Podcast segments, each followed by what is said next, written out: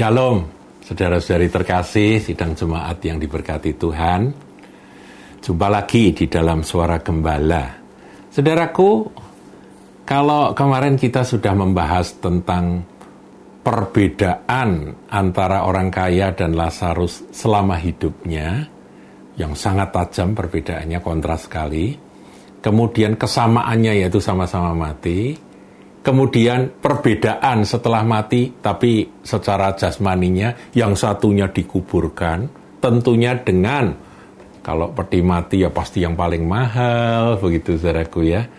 Pasti acara-acara dan upacaranya juga pasti sangat megah.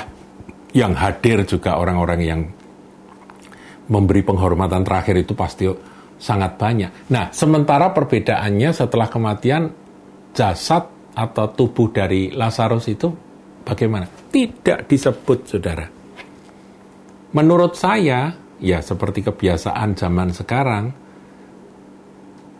jenazah dari orang-orang seperti Lazarus yang nggak punya keluarga, nggak ada sanak family, nggak ada sahabat ini, yang nggak ada yang ngurus. Kalau zaman sekarang ya dia akan dibawa ke rumah sakit dan akan dijadikan kadaver Kadaver itu adalah uh, mayat yang dipakai untuk praktikum para mahasiswa mahasiswi kedokteran, saudara.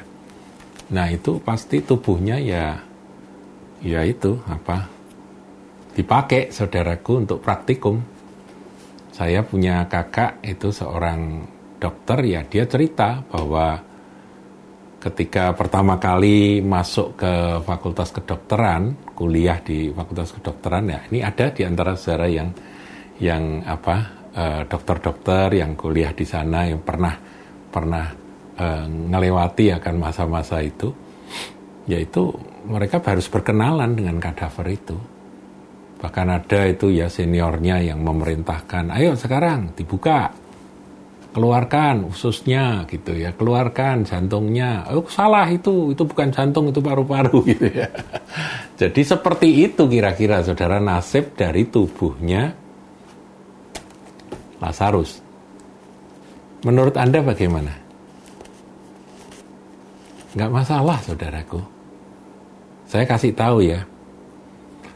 Kalau kita meninggal dunia, bisa dikubur puji Tuhan ada yang apa ngurusi penguburan kita puji Tuhan. Ada yang apa mengadakan upacara puji Tuhan. Tapi kalau tidak ada pun juga tidak apa-apa saudara. Nggak penting saudaraku. Nggak penting. Bagi orang yang meninggal tidak penting. Saya berikan akan gambaran ya ilustrasi orang-orang kudus pada gereja mula-mula, pada zaman gereja mula-mula, dalam penindasan kekaisaran Romawi pada waktu awal-awal kekristenan, banyak di antara mereka karena tidak mau menyangkal Yesus. Mereka diumpankan pada singa-singa lapar di Kolosium itu, saudaraku. Di tempat tontonan orang-orang Romawi gladiator. Nah, sebagai pertunjukan ini apa? Selingan orang-orang Kristen yang bandel yang nggak mau menyangkal Yesus itu dilepas di tengah, kemudian singa-singa lapar dikeluarkan. Ya mereka dimakan, saudara. Bahkan singa lapar bukan hanya dagingnya, tulangnya pun dimakan. Kuburnya di mana? Ya tidak, tidak ada kuburnya, saudaraku Mungkin kalau masih bisa ketemu sisa-sisa potongan tubuh, ya itu saja yang dikuburkan oleh keluarganya. Bagaimana? Apakah mereka terhina? Iya, secara manusia terhina. Tapi kemuliaan Tuhan menyertai orang-orang seperti itu. Pada zaman Kaisar Nero lebih ngeri lagi, saudara. Kaisar Nero itu kan agak gila. Dan pada akhir dari kisah kisah Kaisar Nero ini kan dia membakar kota Roma. Dia yang bakar dan kemudian dia memfitnah orang-orang Kristen sehingga orang-orang Kristen harus dihukum. Nah orang Kristen yang ditangkap ini nggak ada salahnya apa-apa. Salahnya karena mereka Kristen, karena mereka ikut Yesus. Nah, mereka itu diikat di tiang-tiang begitu, seperti salib begitu, diikat. Dan sementara Nero dan orang-orangnya, nah apa itu semua orang-orang dari kerajaannya itu berpesta di bawah. Ini orang-orang Kristen yang diikat di tiang-tiang itu, yang disalib di tiang-tiang itu, disiram dengan tir gala-gala, ya.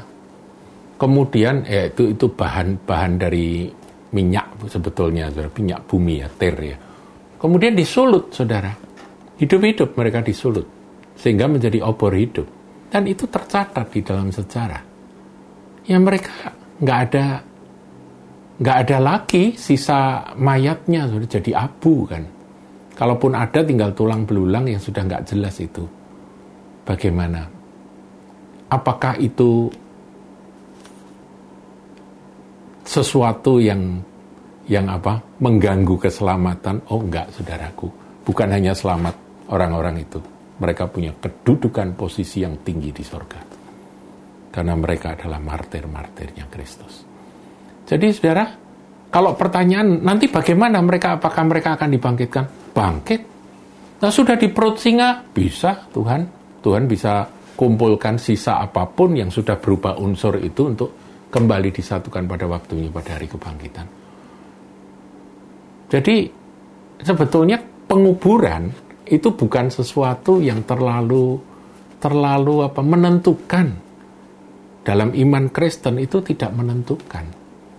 Tidak menentukan keselamatan kita sama sekali nggak ada saudaraku. Bahkan kalau itu diizinkan Tuhan melalui seperti apa yang ngeri-ngeri saya ceritakan tadi itu bahkan merupakan satu kemuliaan saudara.